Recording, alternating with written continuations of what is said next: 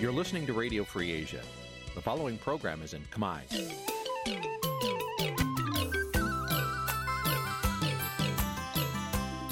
Nǐ chi càm bi tiệp xáy vệt chiu a zì sáy. នេះជាកម្មវិធីផ្សាយរបស់ Vithu Azisari ជាភាសាខ្មែរ វត្តឈូអាស៊ីសេរីសូមស្វាគមន៍លោកអ្នកនាងទាំងអស់ពីរដ្ឋធានី Washington នៃសហរដ្ឋអាមេរិក ចាប់ពីរដ្ឋធានី Washington នាងខ្ញុំម៉ៅសុធានីសូមជម្រាបសួរលោកអ្នកស្ដាប់ទាំងអស់ជាទីមេត្រី ចាយើងខ្ញុំសូមជូនការផ្សាយសម្រាប់ព្រឹកថ្ងៃសុក្រ400ខែមករាឆ្នាំជូតទស័កពុទ្ធសករាជ2564ហើយដល់ត្រូវនឹងថ្ងៃទី4ខែធ្នូគ្រិស្តសករាជ2020ចាជាដំបូងនេះសូមអញ្ជើញលោកអ្នកកញ្ញាស្ដាប់ព័ត៌មានប្រចាំថ្ងៃដែលមានមេត្តាដូចតទៅ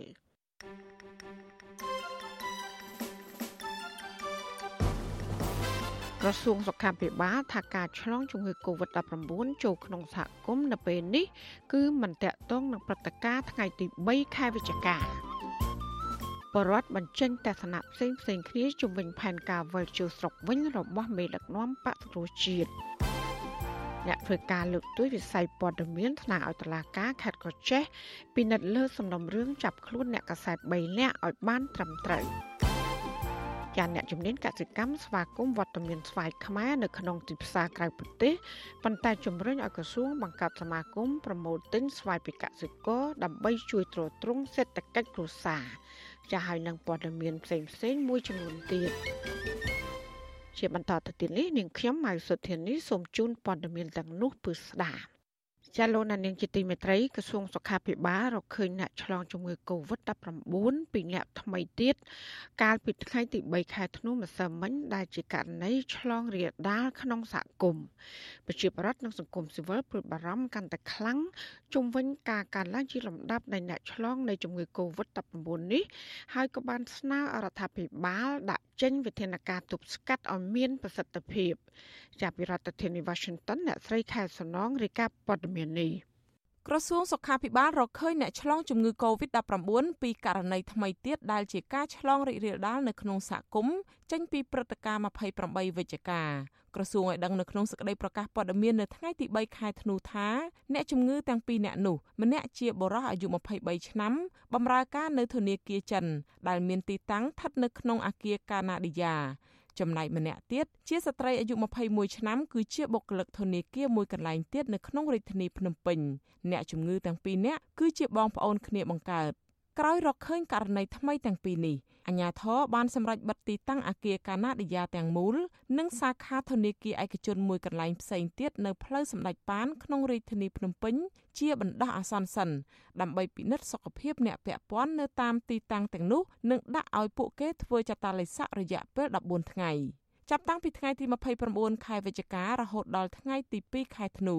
ក្រសួងសុខាភិបាល បានធ្វើតេស្តអ្នកប៉ះពាល់ក្នុងព្រឹត្តិការណ៍ឆ្លងនៅក្នុងសហគមន៍28វិច្ឆិកាបានជាង8000នាក់ក្នុងនោះអ្នកឆ្លងជំងឺ Covid-19 មានចំនួន19នាក់មន្ត្រីជាន់ខ្ពស់រដ្ឋាភិបាលនិងរដ្ឋសភាជាច្រើនអ្នកមានដូចជារដ្ឋមន្ត្រីក្រសួងមហាផ្ទៃលោកសខេងរដ្ឋមន្ត្រីក្រសួងការពារជាតិលោកទាបាញ់រដ្ឋមន្ត្រីក្រសួងសេដ្ឋកិច្ចនិងហិរញ្ញវត្ថុលោកអូនពាន់មូនីរត ប្រធានរដ្ឋសភាលោកហេងសំរិនអនុប្រធានរដ្ឋសភាទី1លោកងួនញ៉ាល់និងមន្ត្រីជាន់ខ្ពស់ជាច្រើនអ្នកផ្សេងទៀតកំពុងបន្តធ្វើចតាឡេស័កបន្ទាប់ពីមន្ត្រីទាំងនោះបានប៉ះពាល់ដោយផ្ទាល់និងដោយប្រយោលជាមួយនឹងអគ្គនាយកនៃអគ្គនាយកដ្ឋានពន្ធនាគារនៃក្រសួងមហាផ្ទៃលោកឆែមសាវុតដែលកំពុងមានជំងឺ Covid-19 ជុំវិញការកើនឡើងជាលំដាប់នៃចំនួនអ្នកឆ្លងរាលដាលចូលទៅក្នុងសហគមន៍នេះប្រជាពលរដ្ឋសម្ដែងក្តីបារម្ភកាន់តែខ្លាំងអំពីសុវត្ថិភាពនិងជីវភាពរបស់ពួកគាត់ដែលកំពុងជួបការលំបាកអាជីវករនៅសង្កាត់កាកាបខណ្ឌពោធិ៍សែនជ័យលោកស្រីហែមសេរីសោភាបារម្ភថាការចម្លងចូលទៅក្នុងសហគមន៍អាចនឹងឆ្លងរាលដាលខ្លាំងជាងនេះហើយកាន់តែអសុវត្ថិភាពក្នុងការចេញពីផ្ទះប្រកបមុខរបរ ចំណែកឯកូនកូនរបស់លោកស្រីក៏ត្រូវផ្អាកការសិក្សាមួយរយៈដោយសារតែបារម្ភខ្លាចឆ្លងជំងឺនេះ។លោកស្រីត្អូញត្អែថាលោកស្រីជំពាក់បំណុលធនាគារនិងការចំណាយផ្សេងផ្សេងជាច្រើនទៀតនៅក្នុងផ្ទះដែលធ្វើឲ្យលោកស្រីពុំមានលទ្ធភាពគ្រប់គ្រាន់ក្នុងការសងត្រឡប់ឬចាយវាយនោះទេប្រសិនបើវិបត្តិជំងឺ Covid-19 នេះអូសបន្លាយរយៈពេលយូរ រឿងអស់ហ្នឹងបងតែងតែគិតតែងតែខ្លាចហីតារោងចាក់បិទអីអញ្ចឹងអ្នករស់ស៊ីក៏ពិបាកអត់មានអីត្រូវរស់ស៊ីមានអីត្រូវលក់ដាច់ឲ្យទៅខាងណាខាងណីទេអញ្ចឹងអាហ្នឹងគឺការព្រួយបារម្ភហីចេញក្រៅគឺខ្ញុំពាក់ម៉ាស់មានអកលមានឆែឥឡូវគឺជាប់ខ្លួនរហូតប៉ុន្តែអត់ទៅចេញក្រៅទេអត់ទៅផ្សារទេហើយអ្វីដែលអត់សំខាន់អត់ចាំបាច់ខ្ញុំអត់ចេញទៅដែរអញ្ចឹងណាចំណែកពលរដ្ឋម្នាក់ទៀតនៅខណ្ឌដង្កោរាជធានីភ្នំពេញលោកស្រីទឹមបុផារៀបរាប់អំពីទុកលំបាកថា បញ្ហាវិបត្តិ COVID-19 ដែលអូសបន្លាយជាយូរមកហើយនេះធ្វើឲ្យលោកស្រីបាត់បង់ការងារដោយសារតែក្រុមហ៊ុនខ្សែធននិងជួបការលំបាកនៅក្នុងជីវភាពគ្រួសារយ៉ាងខ្លាំងលោកស្រីលើកឡើងថាការរីករាលដាលចូលទៅក្នុងសហគមន៍នេះលោកស្រីពុំហ៊ានចេញទៅណាមកណាបានដោយសេរីដូចមុននោះទេ គឺលោកស្រីប្រយ័ត្នប្រយែងជានិច្ចដោយពាក់ម៉ាស់ប្រើទឹកអាល់កុលលាងដៃឬជែលជាដើម លោកស្រីបារម្ភថាក្រសួងការងារអាចនឹងប្រកាសបិទដំណើរការក្រុមហ៊ុនសហគ្រាសរោងចក្រមួយចំនួនទៀតប្រសិនបើមានការឆ្លងរាលដាលខ្លាំងជាងនេះហើយកម្មករជាច្រើនទៀតនឹងជួបការលំបាកប្រឈមបាត់បង់ការងារជាដើមលោកស្រីស្នើសុំឲ្យក្រសួងការងារចាត់វិធានការឲ្យបានតឹងរឹងជាងនេះបន្ថែមទៀតដើម្បីទប់ស្កាត់ស្ថានភាពកុំឲ្យធ្ងន់ធ្ងរជាងនេះ ខ្ញុំរងថ្ងៃការពីរហូតដែរហ្នឹងពាក់ម៉ាស់បាញ់តកលបារម្ភតារៀលដាខ្លាចតែម្ដងម្ដុំខ្ញុំព្រួយវាលើគៀកគៀកដែរហើយខ្ញុំចង់ឲ្យមានហ្នឹងលោកហើយព្រួយប្រវែអត់បារោការងារឲ្យបារោស៊ីអីទៀត ឆ្ងាត់អស់ហ្នឹងឥឡូវទៅមានអ្នកដឹងហើយជាពលរដ្ឋទាំងអស់គ្នាជួយការពារទាំងអស់គ្នាទៅកុំឲ្យតែមើលងាយអញ្ចឹងណាឲ្យវាឆាប់បាត់ទៅវិញឆាប់ឆាប់ហ្នឹងទៅវាក៏ល្អទាំងអស់គ្នាដែរតកតងទៅនឹងរឿងនេះប្រធានមជ្ឈមណ្ឌលប្រជាពលរដ្ឋដើម្បីអភិវឌ្ឍនិងសន្តិភាពលោកយងគឹមអេងថ្លែងថាបញ្ហានៃការចម្លងចូលសហគមន៍នេះគឺជាក្តីបារម្ភមួយយ៉ាងធំហើយมันអាចកំណត់បានថា វានឹងវិវត្តដល់កម្រិតណាទៀតនោះទេ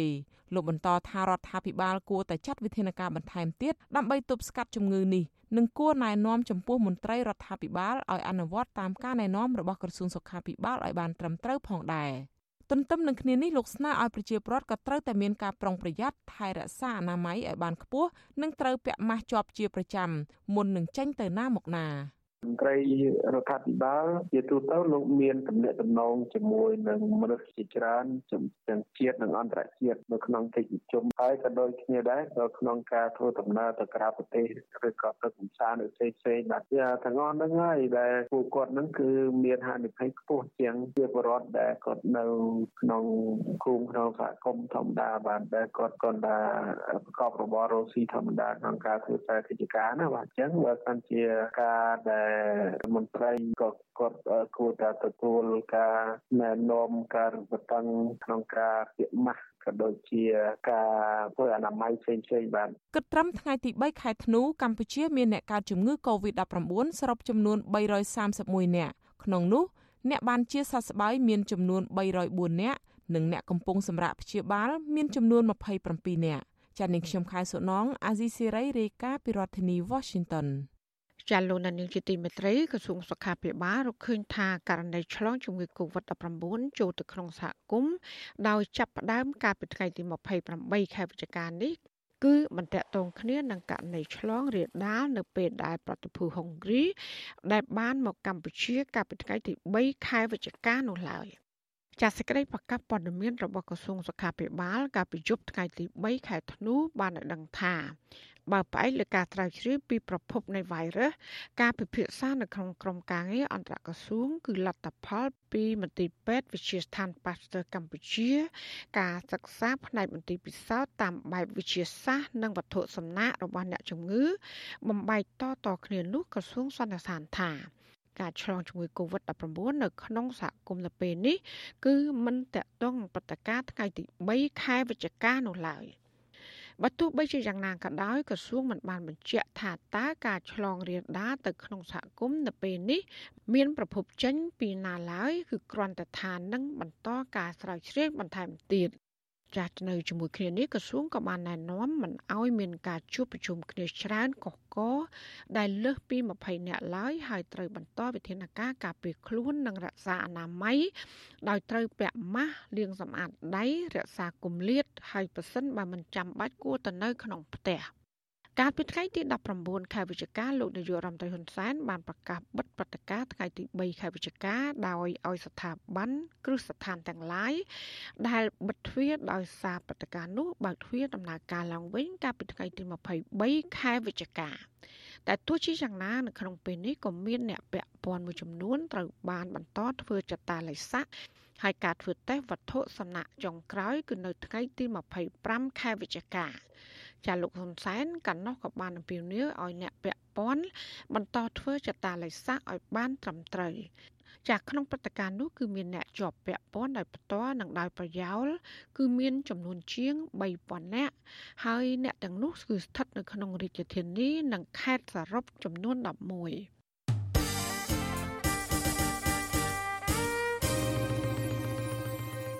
ចាលោកនាងជាទីមេត្រី នៅឯព្រំដែនប្រទេសថៃឯនោះវិញអាជ្ញាធរថៃខេត្តស្រះកែវបានបន្ថែមកម្លាំងត្រួតពិនិត្យនៅតំបន់ព្រំដែនដើម្បីទប់ស្កាត់ការរាតត្បាតនៃជំងឺ Covid-19 ក្រោយដែលកម្ពុជា មានជំងឺឆ្លងនេះចូលសហគមន៍ចាមន្ត្រីសង្គមស៊ីវិលយល់ឃើញថារឿងនេះគឺធ្វើឲ្យប្រជាពលរដ្ឋនៅតំបន់ព្រំដែនជួបការលំបាកកាន់តែខ្លាំងដោយសារតែការបាត់បង់មុខរបររកប្រាក់ ចំណូលដោះស្រាយក្នុងជីវភាពរស់នៅប្រចាំថ្ងៃចា៎នេះគឺជាសេចក្តីរាយការណ៍របស់លោកវ៉ាន់សុមេតជំវិញព័ត៌មាននេះអាជីវករខ្មែរមានតូបលក់ដូរនៅផ្សាររងឃ្លឿប្រទេសថៃថ្លែងសុំមិនឲ្យបញ្ចេញឈ្មោះនៅរសៀលថ្ងៃទី3ធ្នូថាចាប់ពីច្រកទ្វារអន្តរជាតិប៉ោយប៉ែតដល់ផ្សាររងឃ្លឿអាជ្ញាធរថៃបានដាក់ប៉ុស្តិ៍យាមយ៉ាងតឹងតែង3កន្លែងដើម្បីត្រួតពិនិត្យពលរដ្ឋខ្មែរ ដែលថៃអនុញ្ញាតឲ្យបើករថយន្តចូលទៅមើលទំនិញក្នុងផ្សារថៃមួយថ្ងៃ50គ្រឿងពលរដ្ឋរូបនេះបន្ថែមថានៅគ្រប់កន្លែងត្រួតពិនិត្យនោះមានគ្រូពេទ្យថៃយកឧបករណ៍វាស់កម្ដៅដល់អ្នកធ្វើដំណើរនិងបាញ់ថ្នាំទៅលើកង់ឡានសម្រាប់មេរោគជាដើមនិយាយរួមវាមិនអោយយើង លេះលោដើរទៅណាមកណាដូចថានិយាយទៅខាងថៃគេធ្វើល្អជាងខ្ញុំហើយបើពីណាអត់ពាក់ម៉ាស់អីទៅអត់ហាក់លុយម្នាក់5000បាតដល់អញ្ចឹងយើងពីណាដែលមិនហ៊ានពាក់ហើយបានវាអវាឲ្យបើកអាវាឲ្យអាមួយថ្ងៃ50ឡានបានចូលទៅពួកខ្ញុំចូលបានតិកតតិកតនឹងទៅបានអ្នកស្គាល់គ្នាទៅផ្ញើឲ្យបានមកមកខ្មែរមកបានទិញទួចបានមកហំហូបមកហំហូបហ្នឹងហើយឥឡូវវាអ្នកនៅក្នុងវាធ្វើបាបយើងទៀតវាមិនឲ្យយើងដឹកអីវ៉ាន់ញ៉ៃញ៉ៃទៀត លោកស្រីឲ្យដឹងថាអាញាធរថៃព្រមមាននឹងបិទមិនឲ្យរថយន្តរបស់ខ្មែរចូលក្នុងផ្សាររងឃ្លឿនោះទេប្រសិនបើថៃរកឃើញពលរដ្ឋខ្មែរណាម្នាក់ឆ្លងជំងឺ Covid-19 ទូរទស្សន៍ថៃ PBS ផ្សាយកាលពីថ្ងៃទី30ខែវិច្ឆិកាឲ្យដឹងថាអាជ្ញាធរថៃ បានបន្ថែមកម្លាំងទាហានជាច្រើនអ្នកយាមការពារយ៉ាងតឹងតែងទាំងយប់ទាំងថ្ងៃនៅតំបន់ព្រំដែនជាប់ខេត្តបន្ទាយមានជ័យ ដើម្បីទប់ស្កាត់ពលករខ្មែរដែលលួចឆ្លងដែនចូលប្រទេសថៃដោយខុសច្បាប់ប្រពន្ធដដែលបន្ថែមថាការធ្វើបែបនេះដើម្បីបង្ការកុំឲ្យមានការរាតត្បាតជំងឺ Covid-19 បន្ទាប់ពីជំងឺនេះបានឆ្លងចូលក្នុងសហគមន៍នៅកម្ពុជាតាក់ទងនឹងបញ្ហានេះស្នងការរងនគរបាលខេត្តបន្ទាយមានជ័យទទួលបន្ទុកការពារព្រំដែនលោកអ៊ុំសុផល ប្រាប់អាស៊ីសេរីថាការរឹតបន្តឹងនេះ អាជ្ញាធរថៃបានសហការជាមួយសមត្ថកិច្ចរបស់កម្ពុជា បានអនុវត្តជាច្រើនខែមកហើយគឺពុំមែនទៅតែអនុវត្តពេលមានឆ្លងជំងឺ Covid-19 ក្នុងសហគមន៍នោះទេលោកបន្ថែមថាអំឡុងពេលនេះថៃក៏នៅតែបន្តចាប់ពលករខ្មែរប្រកល់មកឲ្យអាជ្ញាធរកម្ពុជាផងដែរលោកប្រាប់ទៀតថាកាលពីថ្ងៃទី2ធ្នូសមត្ថកិច្ចថៃបានចាប់ពលករខ្មែរជាង100នាក់បញ្ជូនត្រឡប់មកកម្ពុជាវិញតាមច្រករបៀងព្រំដែនក្នុងខេត្តបន្ទាយមានជ័យ ទាំងរឹងទាំងខ្មែរទាំងថៃយើងទៅទៅអស់គ្នាបាទទាំងរឹងអស់ខ្លាចថ្មីលួចចូលទៅណាវាគ្រប់សពនឹងឯងចាំគុំដល់ទីនេះជក់កូវីដណាប្រធានសមាគមពង្រឹងសេដ្ឋកិច្ចក្រៅប្រព័ន្ធកម្ពុជា លោកដិនពុទ្ធី មានប្រសាសន៍ថាចាប់តាំងពីអាញាធរថៃបិទច្រកទ្វារព្រំដែនជាប់កម្ពុជាមកប៉ះពាល់ដល់ការរកប្រាក់ចំណូលរបស់ពលរដ្ឋនៅតំបន់ព្រំដែន លោកបន្តថាការរឹតបន្តឹងព្រំដែននៅពេលថ្មីថ្មីនេះនឹងប៉ះពាល់ដល់ពលរដ្ឋកាន់តែខ្លាំងជាពិសេសអ្នកដែលមានតូបលក់ដូរក្នុងប្រទេសថៃ និងពលរដ្ឋដែលស៊ីឈ្នួលលីសែងទំនិញឲ្យថៃធ្វើឲ្យបាត់បង់ប្រាក់ចំណូលរបស់ពួកគេ ខ្ញុំនិយាយថាពេលបិទច្រកនេះគឺការប៉ះពាល់មានវិសាលភាពធំធេងសម្រាប់កម្មករនៅក្នុងប្រព័ន្ធក៏ដោយសេដ្ឋកិច្ចក្រៅប្រព័ន្ធដែរនៅតំបន់ពុយប៉ែតនេះគឺប៉ះពាល់ធ្ងន់មែនទែនជីវភាពហ្នឹងគឺកាន់តែយ៉ាប់ទៅយ៉ាប់ឥឡូវមានថាវាដល់មានថាវេទនាមហាសែនវេទនាដូចមេចូលភ្លើងចឹងនិយាយចឹងវាបិទកាន់តែយូរទៅយូរទៅដូចខ្ញុំអីឥឡូវខ្ចីលុយវាចាយឥឡូវវានិយាយអត់កើតទេអាទុកលំបាករបស់ប្រជាពលរដ្ឋហ្នឹង យើងវេទនាមែនតើមិនដឹងនិយាយថាមិនកើតដល់ពេលយើងនិយាយទៅថាវានៅដដែលដដែលអញ្ចឹងណាអញ្ញាធរថៃបានបិទច្រកព្រំដែនជាប់កម្ពុជា ចាប់តាំងពីចុងខែមីនាដើម្បីទប់ស្កាត់កុំឲ្យឆ្លងជំងឺ Covid-19 ហើយមកទល់នឹងថ្ងៃទី3ខែធ្នូមិនទាន់បើកដំណើរការឡើងវិញនៅឡើយទេ បច្ចុប្បន្នអាជ្ញាធរកម្ពុជានិងថៃ បានអនុញ្ញាតឲ្យចំពោះតែរថយន្តដឹកទំនិញនិងអ្នកបើកបរ2នាក់ក្នុងរថយន្តមួយគ្រឿង អាចចេញចូលដោះដូរទំនិញតាមច្រកព្រំដែនប្រទេសទាំងពីរបានជាធម្មតាខ្ញុំបាទវ៉ែនសុមេតអាស៊ីសេរីចាលោកអ្នកស្ដាប់យុតិមេត្រីពាក់ព័ន្ធនឹងគណៈបកសង្គ្រោះជាតិនេះដែរប្រជាប្រដ្ឋមួយចំនួនលើកឡើងថាពួកគេគ្រប់គ្រងការវិលចូលស្រុកវិញរបស់ថ្នាក់ដឹកនាំគណៈបកសង្គ្រោះជាតិដើម្បីដោះស្រាយវិបត្តិនយោបាយជាមួយគណៈបកកណ្ដាលអំណាចដោយតម្កល់ប្រយោជន៍ជាតិជាធំ។ រីឯប្រជាប្រដ្ឋខ្លះទៀតឲ្យដឹងថាពួកគេមិនភ្ញាក់ផ្អើលទេ ចំពោះការប្រកាសវិលជោស្រុកវិញ របស់ក្រុមថ្នាក់ដឹកនាំគណៈបកប្រឆាំងពីព្រោះគេយល់ឃើញថានេះគឺជាលបែងនយោបាយចានលោកទីនតាការីយ៉ារីកាអំពីមតិបរដ្ឋយល់ឃើញផ្សេងផ្សេងគ្នាជំវិញផែនការវិលជោស្រុកវិញរបស់មេបកប្រឆាំងប្រជាប្រដ្ឋម្នាក់រស់នៅខេត្តសៀមរាបលោកសៀមវ៉ាន់មានជំនឿថាក្រុមមេដឹកនាំគណៈបកសង្គ្រោះជាតិ នឹងវិលចូលមកកម្ពុជាវិញតាមការសន្យាប្រសិនបរដ្ឋាភិបាលមិនរារាំងទេនោះលោកអំពីលនីវឲ្យអ្នកនយោបាយត្រូវក្លាហានប្រជុំមុខគ្នាដោះស្រាយបញ្ហាជាតិដើម្បីឲ្យបរដ្ឋធូរស្បើយនៅក្នុងចិត្តខ្លះ។ ក្នុងពួកខ្ញុំថាអុយវិញត្រឡប់មកវិញដាច់ខាតបាទមិនអុយនៅក្រៅប្រទេសទេបាទអុយមកប្រឈមមុខគ្នាដោះស្រាយតន្តិវិធីទៅព្រោះយើងក្មេតែមួយទេបាទមកក្មេយើងបាក់សាមគ្គីហើយហើយបរទេសវាឈ្លានពានទឹកដីអស់ហើយមិនថាចិនមិនថាយួនមិនថាប្រទេសណាទេចេះនេះសូមសនំពុតដល់ស្នេហ៍ហ៊ុនសែននៅចេះសាមគ្គីគ្នាដើម្បីដោះស្រាយដល់សន្តិវិធីឲ្យប្រទេសខ្មែរនេះបានរួចផុតពីកណ្ដាប់ដៃឆ្នាំយួនដែលឈ្លានពានទឹកដីនេះបាទរីឯជនជាតិភៀតតិចរស់នៅខេត្តមណ្ឌលគិរីវិញលោកស្រីផ្លឹកភេរម ចង់ឲ្យមេដឹកនាំគណៈបកប្រឆាំងវិលចូលស្រុកដោយការសន្យាដើម្បីតតាំងក្តីនៅតុលាការលោកស្រីយល់ថាបើសិនជាក្រុមមេដឹកនាំបកប្រឆាំងនៅតែសំងំនៅក្រៅប្រទេសចំនួននយោបាយនឹងគ្មានច្រកចេញនោះទេ មានបញ្ហារឿងប្រទេសជាតិរបស់យើងអញ្ចឹងទៅគាត់គួរតែមកវិញសម្រាប់ជួយប្រទេសជាតិនឹងទោះបីដោយថារាល់ថ្ងៃហ្នឹងសម្រាប់គណៈបកប្រជាជននិងគណៈបកប្រជាជាតិនេះយើងឃើញដូចថាឆ្លោះគ្នាអីចឹងចឹងណាបើយើងនិយាយទៅក៏ជានយោបាយរបស់គេតែគាត់ថាធម្មតាយើងជាបងប្អូនហ្នឹងអាចថាឆ្លោះគ្នាទៅជួយទៅប៉ុន្តែឆ្លោះគ្នាក្នុងន័យដើម្បីតែប្រទេសជាតិនេះខ្ញុំគិតថាវាបញ្ហាអីទេគាត់គួរតែហ៊ានប្រឈមមកជាមួយគ្នានេះដែរពលរដ្ឋរស់នៅខេត្តព្រៃវហ៊ា លោកជុំសុភឿនចាត់ទុកគម្រោងវិលត្រឡប់របស់មេដឹកនាំគណៈបកប្រឆាំងនេះគឺជារឿងល្អតែយ៉ាងណាលោកថាក្នុងកលតិស័កនេះបរដ្ឋកំពុងតែលំបាកវេទនាផ្នែកសេដ្ឋកិច្ចក្រោយពីផ្ទុះជំងឺ Covid-19 ដូច្នេះអ្នកនយោបាយគួរតែអធិស្ឋានឲ្យគ្នានិងសាមគ្គីគ្នាកសាងជាតិឡើងវិញថាបើគួរតែទទួលគាត់ឲ្យគាត់ចូលនៅក្នុងស្រុកក្នុងទឹកដីកម្ពុជាវិញផងណា បាទខ្ញុំចង់ឲ្យគាត់យកទៅថាគាត់ចូលរួមលើថាដោះស្រាយការដឹកនាំមួយមួយទីនយោបាយឲ្យភាពរីកចម្រើនក្នុងប្រទេសណាអ្វីក៏ដោយបើអត់មានការប្រកួតប្រជែងដាស់តឿនគ្នាទៅវិញទៅមកទៅការអភិវឌ្ឍអាចលូតលាស់ច្រើនណាគឺមិនខុសគ្នាប៉ុន្មានទេជនជាតិភៀតតិចគួយរស់នៅខេត្តស្ទឹងត្រែងលោកឋានវ៉ុនសាតូប្រសិនបើថ្នាក់ដឹកនាំគណៈបកសង្គ្រោះជាតិមានសកចន្ទៈចង់ដោះស្រាយចំនួននយោបាយជាមួយរដ្ឋាភិបាលមនុស្ស បើសិនតែគាត់ប្រើគោលបំណងរបស់គាត់ឬក៏ប្រើពាក្យថាយើងទៅដោះស្រាយរាល់បញ្ហាដែលមានកិច្ចការដែលគៀងក្នុងប្រទេសនេះចូលរួមដោះស្រាយដើម្បីលើកស្ទួយលទ្ធិប្រជាធិបតេយ្យអានោះប្រហែលជាសម្ដេចហ៊ុនសែនគាត់មិនចូលកមាល់ប្រមាណទេដោយឡែកបរិរដ្ឋនៅរាជធានីភ្នំពេញលោកសឿនពិសិដ្ឋឲ្យដឹងថាលោកមិនចាប់អារម្មណ៍ចំពោះបញ្ហានេះទេព្រោះការប្រកាសវិលចូលស្រុករបស់ថ្នាក់ដឹកនាំគណៈបកប្រឆាំងពុំមែនជារឿងថ្មីឡើយ។ ការវិលត្រឡប់របស់គណៈបកសង្គ្រោះជាតិគាត់ចេញសេចក្តីថ្លែងការណ៍ហ្នឹងខ្ញុំគិតថាគ្មានអីប្រែប្រួលដូចគ្មានអីប្លែកទេបងវាដូចជាធម្មតាបងគិតតែចឹងគណៈបកសង្គ្រោះជាតិប្រកាសថាថ្នាក់ដឹកនាំនិងសកម្មជនទាំងអស់ដែលមានឈ្មោះនៅក្នុងដីកាកោះរបស់តុលាការនឹងវិលចូលកម្ពុជាវិញនៅថ្ងៃទី4ខែមករាឆ្នាំ2021ខាងមុខគម្រោងវិលចូលស្រុកជាថ្មីទៀតនេះដឹកនាំដោយអនុប្រធានគណៈបកសង្គ្រោះជាតិគឺអ្នកស្រីមូសុហួរដើម្បីទៅតតាំងក្តីនៅតុលាការក្រុងភ្នំពេញ ដែលបានចោទប្រកាន់ថ្នាក់ដឹកនាំនិងសកម្មជនគណបកប្រឆាំងជាង100នាក់ពីបទឧបឃាតបទរួមគំនិតក្បត់និងញុះញង់សំណុំរឿងខ្លះតុលាការក្រុងបាក់សវនាការនៅអំឡុងខែធ្នូចំណែកសំណុំរឿងខ្លះទៀតតុលាការក្រុងនឹងជំនុំជម្រះនៅខែមករានិងខែមីនាឆ្នាំ2021ខាងមុខជុំវិញនឹងគម្រោងវិលទៅឆ្លងវិញជាថ្មីទៀតរបស់ថ្នាក់ដឹកនាំនិងសកម្មជនគណបកសង្គ្រោះជាតិនេះអ្នកនាំពាក្យគណបកប្រជាជនកម្ពុជាលោកសុកអ៊ីសាន មានប្រសាសន៍ថា អាញាធរបានត្រៀមលក្ខណៈរួចហើយដើម្បីចាប់ខ្លួនអ្នកដែលមានដីកាបញ្ជាឲ្យតាមចាប់ខ្លួនរបស់តុលាការចំណែកអ្នកដែលគ្មានក្នុងដីកាចាប់ខ្លួន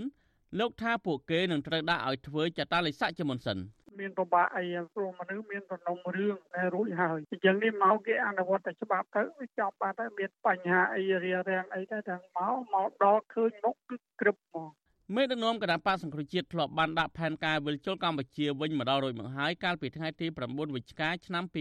2019ក៏ប៉ុន្តែការវិលត្រឡប់ទៅវិញកាលនោះត្រូវបានរបបលហ៊ុនសែនរារាំងនិងបិទច្រកលហក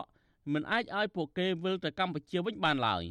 ជាងនេះទៅទៀតអាជ្ញាធរបានចាប់ខ្លួនសកម្មជននិងអ្នកគាំទ្រគណៈបកសង្គ្រោះជាតិនៅក្នុងស្រុកយ៉ាងហោចណាស់ជាង80នាក់ក្នុងរយៈពេលជាង11ខែឆ្នាំ2019ចំណែកសកម្មជនជិត200នាក់ផ្សេងទៀត មានដីកាតាមចាប់ខ្លួន និងដីកាកោះហៅពីតុលាការនិងពីប៉ូលីសមូលដ្ឋានជាដើមទោះជាយ៉ាងណាក្នុងគម្រោងវិលចូលស្រុកវិញលើកនេះថ្នាក់អង្គមនិងសមាជិកគណៈបកសង្គ្រោះជាតិអះអាងថាពួកគេមិនខ្លាចនឹងជាប់ពន្ធនាគារនោះឡើយតែសំខាន់របបលហ៊ុនសែនត្រូវបើកផ្លូវឲ្យពួកគេបានវិលទៅដល់ទឹកដីកម្ពុជាជាមុនសិនដើម្បីឲ្យថ្នាក់ដឹកនាំគណៈបកសង្គ្រោះជាតិបានបំពេញកាតព្វកិច្ចតាមផ្លូវច្បាប់ស្របតាមការកោះហៅរបស់តុលាការ ខ្ញុំទីនសាការីយ៉ាស៊ីសេរីប្រធានីវ៉ាស៊ីនតោន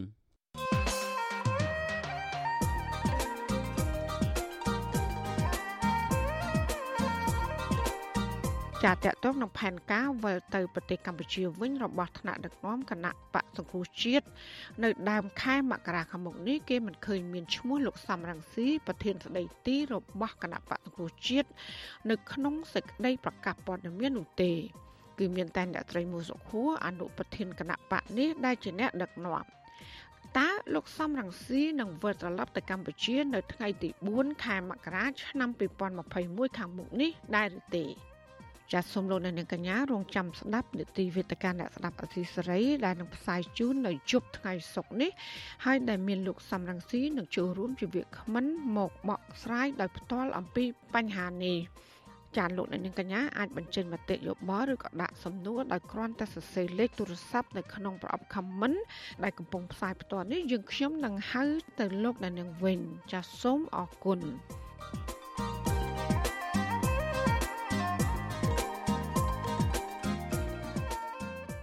លោកនាងកញ្ញាកំពុងស្ដាប់ការផ្សាយរបស់អាស៊ីស្រីដែលផ្សាយចេញពីរដ្ឋធានី Washington អ្នកវិភាគលើកឡើងថាទោះបីជាលោកកឹមសុខានៅជាប់បំរាមរបស់តុលាការក៏ដោយក៏លោកហ៊ាននិយាយជាងមុនដោយឈលលើធម៌អហិង្សានិងចង់បង្រួបបង្រួមជាតិការលើកឡើងរបស់អ្នកវិភាគបែបនេះនៅក្រៅពេលដែលលោកកឹមសុខាបានអះអាងថា ការបង្រួបបង្រួមជាតិគឺជាកាតព្វកិច្ចជាមុខមាត់និងជាកិត្តិយសរបស់ខ្មែរចាសសូមលោកអ្នកនាងកញ្ញារងចាំស្ដាប់សេចក្តីរាយការណ៍ពឹស្ដារអំពីរឿងនេះនាពេលបន្តិចទៀតនេះ ចាសសូមអរគុណ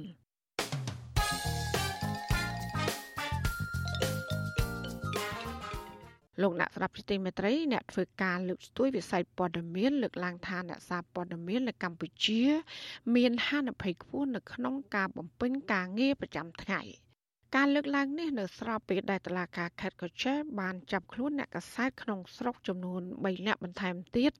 ដាក់ពន្ធនាគារកាលពីថ្ងៃទី1ខែធ្នូដោយចោទប្រកាន់ពីបទឆបោកជាពីរដ្ឋធានី Washington លោកទីនសាការីយ៉ាមានសេចក្តីរាយការណ៍មួយទៀតជំវិញព័ត៌មាននេះនាយកប្រតិបត្តិនៃសម្ព័ន្ធអ្នកសារព័ត៌មានកម្ពុជាលោកណាប់វីស្នើឲ្យតុលាការខេត្តក្រចេះពិនិត្យសំណុំរឿងសម្រាប់ឃុំខ្លួនអ្នកកសែត3នាក់នៅខេត្តក្រចេះនោះឡើងវិញ ដើម្បីធានាថាសិទ្ធិសេរីភាពអ្នកសារព័ត៌មានពុំមានការគំរាមកំហែងលោកណូវីទាមទារឲ្យតុលាការស៊ើបអង្កេតរឿងនេះឲ្យបានច្បាស់លាស់មុននឹងចាត់ប្រកាសនិងសម្រេចឃុំខ្លួនអ្នកសារព័ត៌មានជាបណ្ដោះអាសន្នបែបនេះសំខាន់បំផុតយើងឃើញថាបទចោតប្រកាន់វាមាន ដូចជា2 3បទចោតប្រកាន់រឿងកំហែងយករឿងអីហ្នឹងគឺជាចំណុចមួយដែល មានការចោតប្រកាន់ធ្ងន់ធ្ងរបើសិនជាយើងពិនិត្យមើលអំពី អង្គហេតុនៃបទល្មើសដែលខ្ញុំបានស្ដាប់ឮពីអ្នកសារព័ត៌មានហ្នឹងគឺរឿងលុយតិចតួចហើយជាធម្មតាសម្រាប់ខ្ញុំខ្ញុំមើលឃើញថាបងប្អូនអ្នកសារព័ត៌មានខ្លះទោះបីគាត់បានប្រព្រឹត្តឲ្យមានកំហុសមែនក៏ប៉ុន្តែយ៉ាងហោចណាស់ក៏ជាអ្វីដែលការធ្វើរបស់គាត់ហ្នឹងក៏នាំទៅដល់ការនាំផ្លូវឲ្យសមត្ថកិច្ចបានមើលឃើញអំពីអង្គហេតុដែលជាអាចជាបទល្មើស ដែលអាចជាបទល្មើសចឹងហើយវាគួរតែមានការស៊ើបអង្កេតឲ្យបាន មកចាត់ឲ្យបានច្បាស់លាស់ជុំវិញរឿងដែលជាមូលហេតុនាំទៅដល់ការចោទប្រកាន់ទៅលើបងប្អូនអ្នកសារព័ត៌មានហ្នឹងធ្វើយ៉ាងណាធានាថាបងប្អូនអ្នកសារព័ត៌មានមិនទទួលរងនៅការចោទប្រកាន់មួយដែលអយុត្តិធម៌ហើយដែលនិយាយភាសាម្យ៉ាងទៀតហ្នឹងគឺថាមានការចូលដៃក្នុងការដូចយើងហៅថាធ្វើស៊ីអញ្ចឹងទៅលើអ្នកសារព័ត៌មានកុំឲ្យមានករណីអញ្ចឹងកើតឡើងនេះចៅក្រមស៊ើបសួរតឡាការខេត្តក្រចេះ លោកមេងតូនីកាលពីថ្ងៃទី1ធ្នូបានសម្រេចឃុំខ្លួនអ្នកសារព័ត៌មាន3នាក់ជាបណ្ដោះអាសន្ននៅពន្ធនាគារពាក់ព័ន្ធនឹងបទចោទកំហែងយកឆោបោកនិងបទជ្រៀតជ្រែកដោយខុសច្បាប់នៅក្នុងការបំពេញមុខងារជាសាធារណៈដែលប្រព្រឹត្តនៅភូមិខ្នាចឃុំថ្មីស្រុកចិត្តបរិយខេត្តក្រចេះកាលពីថ្ងៃទី29វិច្ឆិកាឆ្នាំ2020នៃការដដាលបានបង្គាប់ឲ្យសមត្ថកិច្ចឃុំខ្លួនអ្នកសារព័ត៌មាន3នាក់គឺឈ្មោះហូតដាវីឈ្មោះខឹមផូលីដែលជាអ្នកសារព័ត៌មានកូនខ្មែរម្ចាស់ប្រទេសនិងឈ្មោះហិនហ៊ីន អ្នកសារព័ត៌មានស៊ើបអង្កេតដោយការបង្កប់ឲ្យឃុំខ្លួនដល់សារព័ត៌មានក្នុងស្រុកបានចុះផ្សាយនៅថ្ងៃទី3ធ្នូនោះបង្កប់ឲ្យប្រធានពន្ធនាគារឃុំខ្លួនអ្នកទាំង3រហូតដល់តែមានបទបញ្ជាថ្មីសម្រាប់ផ្សេងពីនេះអាស៊ីសេរីមិនអាចតាក់ទងចៅក្រមស៊ើបសួរសាលាដំបងខេត្តក្រចេះលោកម៉េងតូនីនិងស្នងការនគរបាលខេត្តក្រចេះដើម្បីសួរអំពីបញ្ហានេះបន្ថែមតាមទូរស័ព្ទបានទេ កាលពីរាត្រីថ្ងៃទី3ធ្នូប៉ុន្តែស្នងការរងនៃស្នងការនគរបាលខេត្តក្រចេះលោកភួងសុភ័ណ្ឌបានប្រាប់ VOD កាលពីថ្ងៃទី3ធ្នូថា សមត្ថកិច្ចបានចាប់ខ្លួនអ្នកសារព័ត៌មានទាំង3នាក់នេះកាលពីថ្ងៃទី1ធ្នូបញ្ជូនទៅតុលាការលោកបញ្ជាក់ថាចំណាត់ការយ៉ាងណាទៀតនោះគឺផុតពីសមត្ថកិច្ចរបស់លោកហើយអាស្រ័យលើតុលាការទោះបីជាបែបនេះក្តីលោកណវីមានប្រសាសន៍ថាបើពិនិត្យមើលពីដំណើររឿងដែលបានដឹងនោះសមត្ថកិច្ចបានចាប់ខ្លួនអ្នកសារព័ត៌មានទាំង3នាក់នេះពាក់ព័ន្ធនឹងករណីចំនួនដីធ្លីមួយដែលខាងម្ចាស់ដីសូមមិនអោយចុះផ្សាយជាថ្នូវនឹងការផ្ដាល់លុយកាក់តែនៅទីបំផុតទៅក៏មានករណីប្តឹងផ្ដាល់ចាប់ខ្លួនតែម្ដង តកតងនឹងបញ្ហានេះលោកណាប់វីអំពាវនាវឲ្យអ្នកសារព័ត៌មានទាំងអស់ត្រូវបំពេញការងាររបស់ខ្លួនដោយចូលលើគោលការណ៍ត្រឹមត្រូវនិងប្រកាន់ភ្ជាប់នៅវិជ្ជាជីវៈរបស់ខ្លួនដោយសារមើលឃើញអំពីហានិភ័យនៃការចាប់ខ្លួននៃការចោទប្រកាន់ខ្លាំងទៅលើបងប្អូនអ្នកសារព័ត៌មាននៅតាមបណ្ដាខេត្តផ្សេងផ្សេងឬក៏នៅតាមទីកន្លែងមួយចំនួនហ្នឹងខ្ញុំទទូចឲ្យបងប្អូនអ្នកសារព័ត៌មានទាំងអស់លោកមានការប្រយ័ត្នប្រយែងនៅក្នុងការប្រើប្រាស់ នៅទួនាទីរបស់ខ្លួនជាអ្នកសារព័ត៌មាន ហើយគោរពឲ្យបាននៅក្រមសីលធម៌វិជ្ជាជីវៈជាអ្នកសារព័ត៌មានហ្នឹងគឺធ្វើយ៉ាងម៉េចក៏ដោយកុំយកទួនាទីទៅដោះដូរជាធ្នូជាលុយកាក់អីផ្សេងផ្សេងជាធ្នូនឹងការមិនសរសេរព័ត៌មានឬក៏មិនបកអាក្រាតនៅអំពើអាក្រក់ទាំងឡាយណារបស់ឈ្មួញឬមួយក៏របស់អាចថាមន្ត្រីខលខូចមួយចំនួនហ្នឹងគឺយើងត្រូវបំពេញតួនាទីឲ្យបានត្រឹមត្រូវហើយជៀសវាងនៅការប្រើប្រាស់តួនាទីជាអ្នកសារព័ត៌មានទៅចាប់ឈើឬមួយក៏ទៅគម្រាមកំហែងឬមួយក៏ទៅទៀមទាលុយកាក់ពីក្រមណាមួយនោះ អាស៊ីសេរីមិនអាចតាក់ទងក្រុមគ្រួសារអ្នកសារព័ត៌មានខ្មែរម្ចាស់ប្រទេសដើម្បីសុំការបំភ្លឺបន្ថែមជំវិញនឹងរឿងនេះបានឡើយទេមកទល់ពេលនេះសម្ព័ន្ធភាពសារព័ត៌មានកម្ពុជាហៅកាត់ថាកម្ពុជាពិនិត្យឃើញថាអក្រិតកម្មប្រឆាំងអ្នកសារព័ត៌មាននឹងធ្វើទុកបុកម្នេញលើអ្នកសារព័ត៌មាននៅតែបន្តកើតឡើងជាបន្តបន្ទាប់គិតពីខែមករាដល់ខែតុលាឆ្នាំ2020កម្ពុជារកឃើញថាមានអ្នកសារព័ត៌មានសរុប59នាក់ទទួលរងការធ្វើទុកបុកម្នេញតាមរូបភាពផ្សេងៗ រួមមានការប្រើអំពើហិង្សាការចាប់ខ្លួន ការបាត់បង់ជីវិតនិងការរងបណ្ដឹងពីតុលាការជាដើមនេះមិនទាន់រាប់បញ្ចូលករណីឃាតកម្មលើអ្នកសារព័ត៌មានយ៉ាងហោចណាស់15នាក់ផ្សេងទៀតគិតចាប់តាំងពីឆ្នាំ1994នោះនៅឡើយទេកម្ពុជាអំពាវនាវឲ្យអាជ្ញាធរផ្ដន្ទាទោសជនល្មើសដល់បង្កក្រតកម្មលើអ្នកសារព័ត៌មានព្រមទាំងស្នើអរដ្ឋាភិបាលធានាសវត្ថិភាពនិងសន្តិសុខជូនអ្នកសារព័ត៌មានឲ្យបានគ្រប់រូបដើម្បីឲ្យពួកគេអាចអនុវត្តសិទ្ធិសេរីភាព និងចូលរួមរាយការណ៍ព័ត៌មានដោយមិនមានការភ័យខ្លាចដើម្បីជាប្រយោជន៍ដល់ប្រជាពលរដ្ឋនិងសង្គមជាតិរបាយការណ៍សេរីភាពសារព័ត៌មានពិភពលោកឆ្នាំ2019ដែលចេញដោយអង្គការអ្នកកសែតគ្មានព្រំដែនបានដាក់ចំណាត់ថ្នាក់សេរីភាពសារព័ត៌មាននៅកម្ពុជានៅលេខរៀងទី143ក្នុងចំណោមប្រទេសចំនួន180ចំណាត់ថ្នាក់នេះគឺកម្ពុជាបានធ្លាក់ចុះជាបន្តបន្ទាប់គិតចាប់តាំងពីឆ្នាំ2017មកខ្ញុំទីនសាការីយ៉ាអសិរ័យប្រធានីវ៉ាស៊ីនតោន ចាលោកនាងជាទីមេត្រីដែលឡាយតាក់ទងនឹងវិស័យកសិកម្មវិញ កម្ពុជាបាននាំចេញផ្លែស្វាយជាលើកដំបូងទៅកាន់ប្រទេសចិន តាមរយៈក្រុមហ៊ុនឯកជនមួយ ដែលគ្រប់គ្រងដោយជនជាតិចិនចាអ្នកជំនាញកសិកម្មស្វាគមន៍វត្តមានស្វាយខ្មែរនៅក្នុងទីផ្សារក្រៅប្រទេស ក៏ប៉ុន្តែជំរុញឲ្យក្រសួងកសិកម្មគួរតែបង្កើតសមាគមដើម្បីប្រមូលទិញស្វាយពីកសិករក្នុងការជួយទ្រទ្រង់សេដ្ឋកិច្ចគ្រួសារចាលោកហេងរស្មីរាយការណ៍ព័ត៌មាននេះអ្នកជំនាញកសិកម្មនិងជាមន្ត្រីជាន់ខ្ពស់គណៈបកប្រជាធិបតេយ្យមូលដ្ឋាន លោកបណ្ឌិតយ៉ងសង្គមាមានប្រសាសន៍ថាការនាំផ្លែស្វាយស្រស់ចេញពីកម្ពុជាទៅកាន់ប្រទេសចិនគឺជារឿងល្អដោយសារតែកន្លងមកផ្លែស្វាយភាគច្រើននៅកម្ពុជាមានការលំបាក ក្នុងការរកទីផ្សារសម្រាប់នាំចេញហើយម្យ៉ាងទៀតរដូវប្រមូលផលផ្លែស្វាយចិត្តឈានចូលមកដល់ដែលជាឱកាសមួយសម្រាប់ដល់កសិករមួយចំនួនទទួលបានផលពីកសិផលរបស់ខ្លួនលោកបន្ថែមថាដើម្បីនាំចេញផ្លែស្វាយទៅកាន់ប្រទេសចិនទៅតាមកម្រិតស្តង់ដារកសិករគួរតែចងក្រងជាសមាគមហើយក្រសួងកសិកម្មត្រូវគ្រប់គ្រងដល់សមាគមដើម្បីងាយស្រួលក្នុងការប្រមូលផ្ដុំនិងការចរចាជាមួយនឹងក្រុមហ៊ុន លោកថានៅកម្ពុជាកាលពីឆ្នាំ2019មានសល់ផ្លែស្វាយយ៉ាងច្រើនសន្ធឹកសន្ធាប់ដែលកសិករពិបាករកទីផ្សារសម្រាប់នាំចេញដំណាំស្វាយជា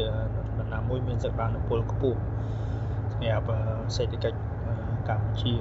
ជាពិសេសបើយើងបានមានឱកាសផ្ទាល់ទៅទីផ្សារចិនកូរ៉េជប៉ុនអីចឹងណាប៉ុន្តែអ្វីសំខាន់គឺរដ្ឋាភិបាលជាពិសេសក្រសួងកសិកម្មត្រូវមានគោលនយោបាយគ្រប់គ្រងទៅដល់ សមាគមអ្នកដាំស្វាយជាតិណាសមាគមជាតិមួយទាក់ទងការដាំស្វាយការលើកឡើងរបស់អ្នកជំនាញកសិកម្មនេះក្រោយពីគេហទំព័ររបស់ក្រសួងកសិកម្មបានផ្សាយកាលពីថ្ងៃទី3ខែធ្នូថាក្រុមហ៊ុនឯកជនដែលគ្រប់គ្រងដោយជនជាតិចិនមួយឈ្មោះក្រុមហ៊ុនហ៊ុនទីបានចាប់ផ្ដើមនាំផ្លែស្វាយស្រស់ជាលើកដំបូងពីកម្ពុជាទៅកាន់ប្រទេសចិនបន្ទាប់ពីបានបោះទុនវិនិយោគលើការអភិវឌ្ឍវិស័យកសិកម្មការលាងសម្អាត ការវេចខ្ចប់ ការបង្កើតឃ្លាំងស្តុកត្រជាក់និងការនាំចេញផលិតផលកសិកម្មនៅកម្ពុជាកាលពីឆ្នាំ2017គេហទំព័ររបស់ក្រសួងកសិកម្មមិនបានបញ្ជាក់ចំនួនផ្លែស្វាយដែលកម្ពុជានាំទៅកាន់ប្រទេសចិនជាលើកដំបូងមានចំនួនប៉ុន្មានគីឡូក្រាមនោះទេក៏ប៉ុន្តែបានបញ្ជាក់ថាមានចំនួន1កុងតឺន័រប៉ុណ្ណោះអាស៊ីសេរីមិនអាចតេតងមន្ត្រីក្រុមហ៊ុនហ៊ុនទីដែលមានទីតាំងនៅតាមបណ្ដោយផ្លូវជាតិលេខ3បានទេកាលពីថ្ងៃទី3ខែធ្នូ ចំណែកឯអ្នកនាំពាក្យក្រសួងកសិកម្មលោកស្រីវុធីនៅពេលទូរស័ព្ទចូលជាច្រើនដងតែគ្មានអ្នកទទួលក៏ប៉ុន្តែក្រសួងកសិកម្មនិងអគ្គរដ្ឋបាលកោរបស់ប្រទេសចិន កាលពីថ្ងៃទី9ខែមិថុនាឆ្នាំ2020បានចុះហត្ថលេខាលើពិធីសារស្ដីពីលក្ខខណ្ឌតម្រូវភូតគាមអនាម័យសម្រាប់ការនាំចេញផ្លែស្វាយស្រស់ពីកម្ពុជាទៅកាន់ប្រទេសចិន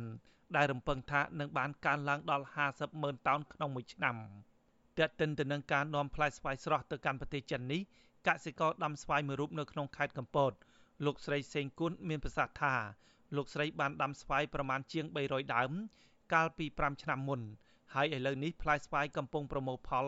តែមិនសូវល្អដូចឆ្នាំកន្លងកន្លងទៅទេលោកស្រីបានបន្តថាកន្លងមកមិនដែលមានក្រុមហ៊ុនមកពីប្រទេសចិន មកតាក់ទងទិញផ្លែស្វាយស្រស់ពីលោកស្រីទេ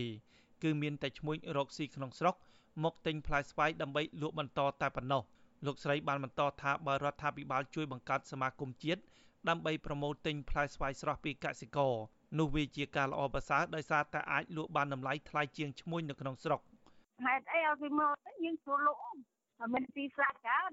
មានទីផ្សារមុនកូនណាកូនណាមិនលក់ដាច់ណាបើខ្ញុំនៅសល់ឲ្យចោលពេញអស់តាមទៅកូនណាកូនណាឆ្វាយចោលហើយពេញអស់អគ្គនាយកដ្ឋានកសិកម្មបានឲ្យដឹងថា អគ្គនាយកដ្ឋាននេះបានទទួលពាក្យស្នើសុំចុះបញ្ជីចំការស្វែងនិងទីតាំងវេចខ្ចប់សម្រាប់ការនាំចេញផ្លែស្វាយស្រស់ពីកម្ពុជាទៅកាន់ប្រទេសចិនចំនួន48ក្រុមហ៊ុនម្ចាស់ចំការនិងសមាគមកសិកម្មដើម្បីបំពេញតាមលក្ខខណ្ឌតម្រូវភូតគាមអនាម័យឲ្យបានល្អសម្រាប់ការនាំចេញផ្លែស្វាយស្រស់ពីកម្ពុជាទៅកាន់ប្រទេសចិនអគ្គនាយកដ្ឋានកសិកម្មកំពុងអនុវត្តសកម្មភាពមួយចំនួននៅតាមទីតាំងចំការដែលបានដាក់ពាក្យស្នើសុំ ហើយបំពេញនៅលក្ខខណ្ឌតម្រូវភូតគាមអនាម័យរបស់ប្រទេសចិនសកម្មភាពទាំងនោះរួមមានបណ្ដុះបណ្ដាលបច្ចេកទេសស្ដីពីការអនុវត្តកសិកម្មល្អបណ្ដុះបណ្ដាលបច្ចេកទេសស្ដីពីការគ្រប់គ្រងសមាជិកចង្រៃ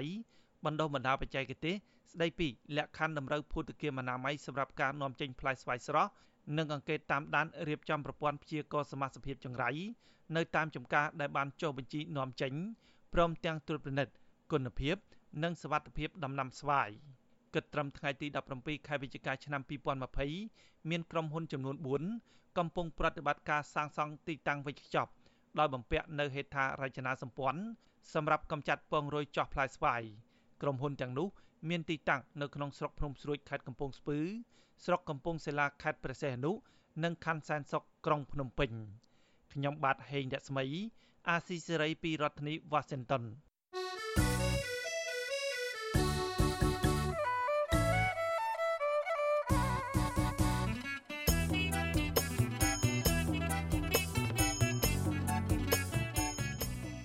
លោកនាងកញ្ញាកំពុងស្ដាប់ការផ្សាយរបស់អាស៊ីសេរីដែលផ្សាយចេញពីរដ្ឋធានី Washington ចាអ្នកវិភាគលើកឡើងថាទោះបីជាលោកកឹមសុខានៅជាប់បំរាមរបស់តុលាការក៏ដោយ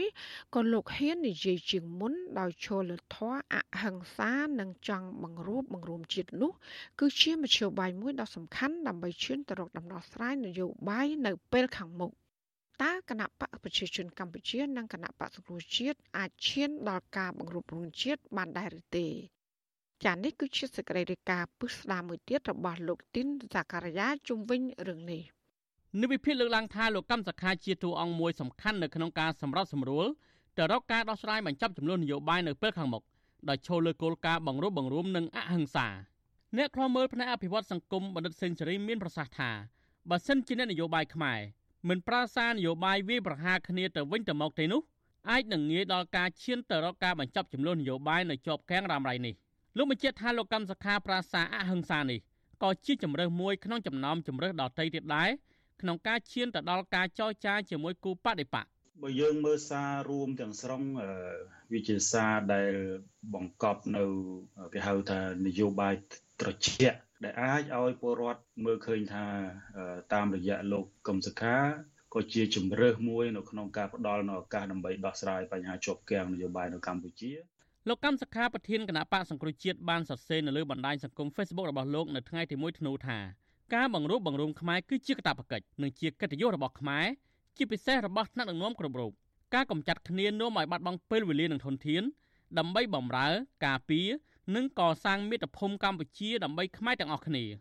លោកកម្មសខាបញ្ជាក់ថាបើយើងមិនលើកទឹកចិត្តឲ្យមានការរើសអើងសងសឹកគ្នាទៅនោះខ្មែរអាចរស់នៅដោយឯករាជ្យដោយសុខដុមរមនានិងដោយវឌ្ឍនភាពសម្រាប់ខ្មែរដូចគ្នាគ្រប់រូបការលើកឡើងរបស់លោកកម្មសខានៅថ្ងៃទី1ធ្នូនេះនៅស្របពេលមេដឹកនាំគណៈបកសង្គ្រោះជាតិដែលនិរទេសខ្លួនប្រកាសពីផែនការវិលចូលស្រុកវិញនៅដើមខែមករាឆ្នាំ2021ខាងមុខសេចក្តីប្រកាសព័ត៌មានរបស់គណៈបកសង្គ្រោះជាតិនៅថ្ងៃទី1ធ្នូបានសម្រេចឲ្យអ្នកស្រីមូសង្ហួរ អនុប្រធានគណៈបកសង្គ្រោះជាតិជាអ្នកដឹកនាំថ្នាក់ដឹកនាំគណៈបកសង្គ្រោះជាតិវិលទៅកម្ពុជាវិញនៅថ្ងៃទី4ខែមករាឆ្នាំ2021ខាងមុខដើម្បីទៅតតាំងរឿងក្តីនៅតុលាការគណៈបកសង្គ្រោះជាតិបានជ្រើសរើសអ្នកស្រីមូសង្ហួរឲ្យដឹកនាំសមាជិកគណៈបកប្រឆាំងដទៃទៀតវិលទៅកម្ពុជានេះដោយសារតែអ្នកស្រីមានសញ្ជាតិ2អាចប្រលិខិតឆ្លងដែនអាមេរិកក្រោយពីអាញាធររបបលហ៊ុនសែនបានលុបសុពលភាពលិខិតឆ្លងដែនខ្មែររបស់អ្នកស្រី និងម្យ៉ាងទៀតដោយមើលឃើញថាស្ត្រីមានភាពទន់ភ្លន់ជាងនៅក្នុងការប្រឈមជាមួយរបបលហ៊ុនសែនជាការកត់សម្គាល់អ្នកស្រីមុនសង្ហួរបានបង្ហាញភាពទន់ភ្លន់ជាងមុនក្នុងការប្រកាសវិលទៅកម្ពុជាវិញនេះតែអ្នកស្រីអះអាងថាអ្នកស្រីនៅតែរឹងមាំក្នុងការបដិញ្ញាចិត្តដឹកនាំសមាជិកគណៈបកប្រឆាំងដែលកំពុងនិរទេសខ្លួននៅក្រៅប្រទេសវិលទៅកម្ពុជាវិញនៅពេលខាងមុខអ្នកស្រីមិនភ័យខ្លាចទោះបីជាត្រូវប្រឈមនឹងការចាប់ដាក់ពន្ធនាគារក៏ដោយហើយយើងខ្ញុំទៅដោយដៃទទេមានតែដីកានឹងចរិកម្មទៅយកទៅ ទៅដោយសន្តិវិធីអហិង្សាដៃទទេសុទ្ធចាត់ចាក់ចោះឲ្យទៅជាតិរស់បំរើជាតិជានិច្ចហើយទុកជូនពលរដ្ឋសូមមេត្តាទុកជូនឲ្យពលរដ្ឋមានជាឆន្ទៈពលរដ្ឋចាស់កាត់សេចក្តីយើងខ្ញុំកាត់ចោះប៉ុន្តែសូមឲ្យជាតិរស់ចាស់អោយកុំឲ្យមានការឈឺចាប់បន្តទៅទៀតនេះជំនាញខាងវិជាសាស្ត្រនយោបាយលោកអែមសវណ្ណរាមមានប្រសាសន៍ថាគណៈបកសង្គ្រោះជាតិសម្រាប់ជ្រើសរើសយកអ្នកស្រីមូសង្ហួរជាមេដឹកនាំវិលទៅកម្ពុជាវិញនៅពេលនេះជារឿងល្អមួយ ដែលស្ត្រីអាចកាត់បន្ថយនឹងការប្រឈមមុខដាក់គ្នានៅក្នុងស្ថានភាពនយោបាយតានតឹងរវាងគណៈបកទាំងពីរយន្តការនៃការចូលមកទទួលទោសបើថាតឡាការកាត់ទោសព្រោះគេ sẽ ចោតអញ្ញាធិចោតប្រកាន់មានទោសអញ្ចឹងត្រូវតែទទួលទោសសហគមន៍មួយបញ្ជាក់ទៅសហគមន៍អន្តរជាតិអំពី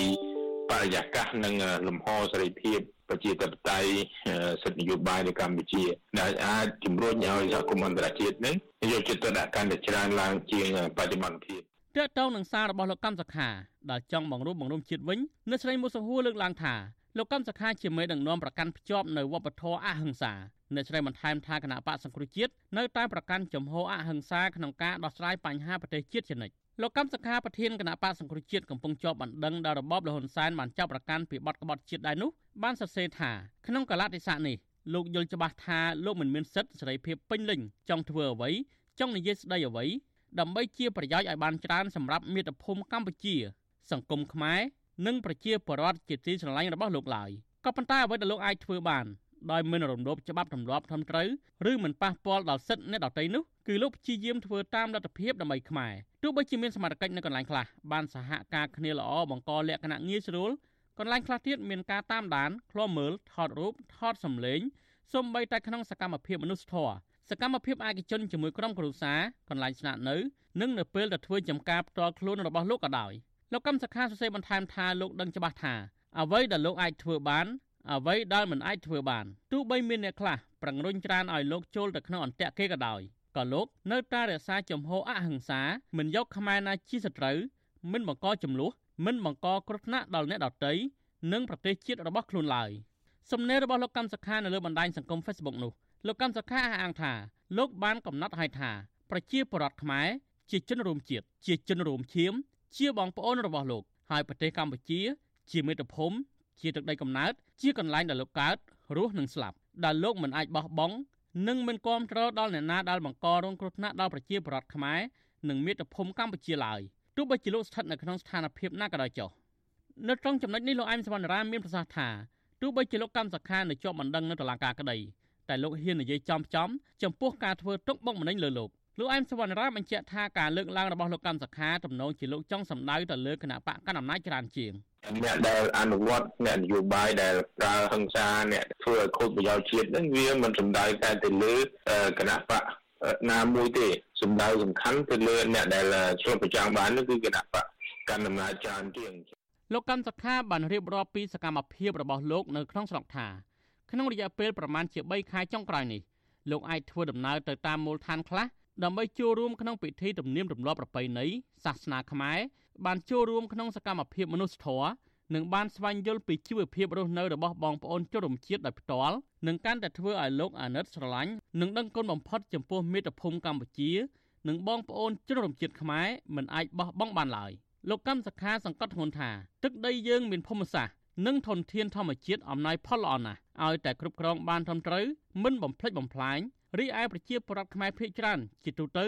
មានទឹកចិត្តល្អគួរឲ្យគោរពស្រឡាញ់តឡាការរបបលហ៊ុនសែនបានដកសិទ្ធិលោកកម្មសខាមិនឲ្យធ្វើនយោបាយជាង3ឆ្នាំមកហើយគិតចាប់ពីពេលដល់សមត្ថកិច្ចចាប់ខ្លួនលោកកាលពីខែកញ្ញាឆ្នាំ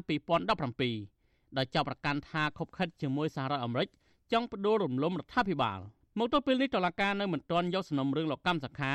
មកជំនុំជម្រះជាថ្មីទៀតនៅឡើយទោះបីជាក្រុមមេធាវីរបស់លោកបានស្នើសុំឲ្យពន្លឿនយ៉ាងណាក្តី ដោយតឡាការលើកហេតុផលថាមកពីជំងឺ Covid-19 មិនអាចជួបជុំគ្នាច្រើនបានក្នុងពេលតឡាការបានបើកសវនាការជាទ្រង់ទ្រាយធំជំនុំជម្រះមន្ត្រីនិងសកម្មជនបកប្រឆាំងជាង100នាក់កាលពីពេលថ្មីថ្មីនេះសហរដ្ឋអាមេរិកធ្លាប់បានចេញសេចក្តីថ្លែងការណ៍អះអាងថាប្រធានគណៈបកប្រឆាំងលោកកម្មសខាជាមនុស្សស្អាតស្អំនិងជំរុញឲ្យអាជ្ញាធរកម្ពុជាផ្ដល់សិទ្ធិពេញលេញដល់លោកកម្មសខាឡើងវិញដោយអត់លក្ខខណ្ឌក្រុមនៃវិភាគលើកឡើងថាមេដឹកនាំគណៈបកកណ្ដាលអំណាចនិងគណៈបកប្រឆាំង គួរតែបញ្ឈប់ការលាបពណ៌ដាក់គ្នានិងចោទប្រកាន់គ្នាទៅវិញទៅមកហើយងាកមកតុកចរចាវិញដែលជាជំរើសល្អជាងដើម្បីឈានទៅរកការបង្រួបបង្រួមជាតិពិតប្រាកដបានខ្ញុំធីនសាការីយ៉ាអសិរ័យប្រធានីវ៉ាស៊ីនតោន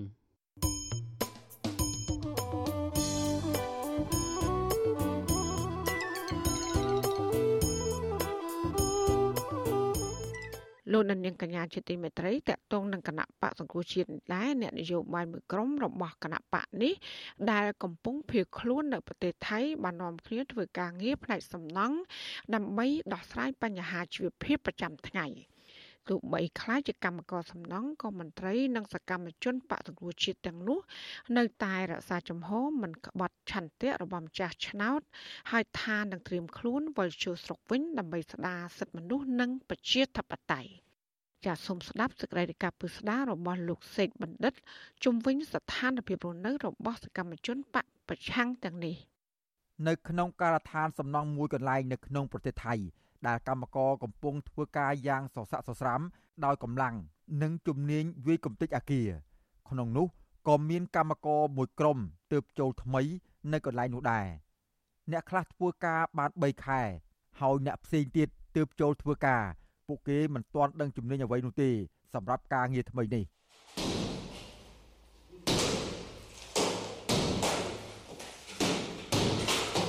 តាមពិតមនុស្សមួយក្រុមដែលមានគ្នាប្រមាណ10នាក់នោះគឺជាមន្ត្រីនិងសកម្មជនគណៈបកសង្គ្រោះជាតិដែលធ្លាប់មានងារជាឯកឧត្តមនិងមានតួនាទីជាសមាជិកក្រុមប្រឹក្សាខេត្តខណ្ឌនិងជាចៅសង្កាត់រងជាដើម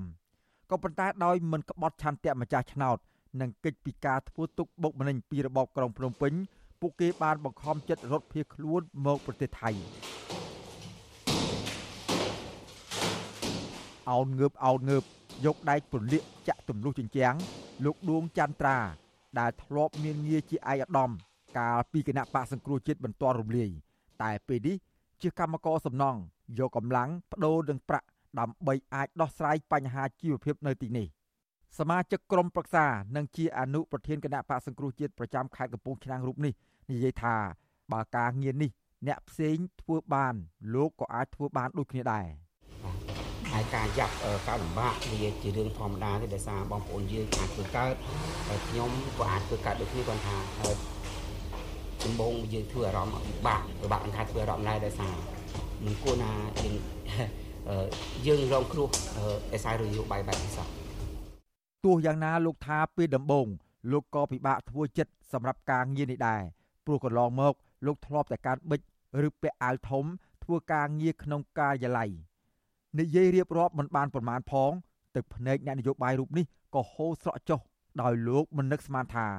លោកប្រែពីអ្នកនយោបាយមកជាកម្មករសំណងបែបនេះទេ តែទោះជាបែបនេះក្តី លោកដួងចន្ទ្រាថាក្នុងនាមលោកជាអ្នកប្រជាធិបតេយ្យដែលធ្វើនយោបាយតតាំងជាមួយនឹងគណៈបកកណ្ដាលអំណាចដែលមានចរិតផ្ដាច់ការគឺលោកត្រៀមខ្លួនរួចហើយថានឹងអាចលំបាកគ្រប់បែបយ៉ាង ឬត្រូវជាប់ពន្ធនាគារ បើលោកមិនចាក់ចេញពីប្រទេសកម្ពុជាមកសួរថាគេនឹងផ្ដល់ឋានៈទូនទីឲ្យខ្ញុំច្រើនណាស់បើរហូតដល់ពេលខ្លះគេឲ្យទូនទីដល់ទៅឋានៈអភិបាលរងខេត្តអីនោះប៉ុន្តែខ្ញុំគិតថាខ្ញុំឈានជើងមកចេញពីគ្រូបង្រៀនមកធ្វើជាគណៈបកនយោបាយបំរើក្នុងគណៈបកនយោបាយនេះគឺដើម្បីធ្វើការផ្លាស់ប្ដូរបើខ្ញុំវិលទៅរកទំនុំរបបផ្ដាច់ការដដែលតើខ្ញុំធ្វើមានន័យអី អញ្ចឹងខ្ញុំអត់ទៅទេសូម្បីជាចិត្តតាំងចិត្តថាទោះបីខ្ញុំលំបាកបែបណាខ្ញុំតស៊ូរហូតដល់ជីវិតចុងក្រោយរីឯសកម្មជនគណៈបកសង្គ្រោះជាតិម្នាក់ទៀតដែលកាន់ញញួរយ៉ាងណែនលោកតោនិមលកំពុងវាយកំទេចជញ្ជាំងអាគារទាំងញើសហូរពេញខ្លួនសកម្មជនគណៈបកសង្គ្រោះជាតិរូបនេះឲ្យអាស៊ីសេរីដឹងថាការរស់នៅក្នុងប្រទេសថៃត្រូវចំណាយច្រើន ហើយម្យ៉ាងទៀតសម្រាប់គ្រួសារលោក ត្រូវចំណាយលុយលើអ៊ីនធឺណិតនិងមធ្យោបាយផ្សេងផ្សេងសម្រាប់ការផ្សព្វផ្សាយព័ត៌មានតាមបណ្ដាញសង្គម Facebook ដូចនេះលោកនិងភរិយាត្រូវប្រឹងរកលុយបើមិនដូច្នោះទេ អាចនឹងគ្មានលុយបង់ថ្លៃបន្ទប់ជួលឡើយអឺសរុបរួមមកការងារអីក៏ថ្លៃធ្នូសម្រាប់មនុស្សយើងសំខាន់ទៅលើឧត្តមគតិបើកាលណាបើសិនជាយើងអត់ធ្វើការងារនឹងយើងមិនចង់ប្រឡាក់ខ្លួនយើងព្រមលក់មនសិការរបស់យើង ព្រមលក់ដំកតិរបស់យើងយើងមានលុយគេចាយស្រួលប៉ុន្តែសេចក្តីសុខនឹងមានតែគ្រួសារខ្លួនឯងទេមិនឆ្ងាយពីលោកតោនិមលប្រមាណនោះទេសកម្មជនគណៈបកសង្គ្រោះជាតិម្នាក់ទៀតគឺជាចៅសង្កាត់រងទី2ជាប់ឆ្នោតរបស់គណៈបកសង្គ្រោះជាតិនៅសង្កាត់ចតុមុខខណ្ឌដូនពេញរាជធានីភ្នំពេញលោកវឿងសំណាង ក្នុងសកម្មភាពចាក់ឆ្កឹះពីដានពីខាងលើឲ្យធ្លាក់ចុះមកក្រោមលោកថាពេលចាប់ផ្ដើមធ្វើការងារនេះដំបូងខ្លួនលោកមិនដឹងថាត្រូវចងដែកមុន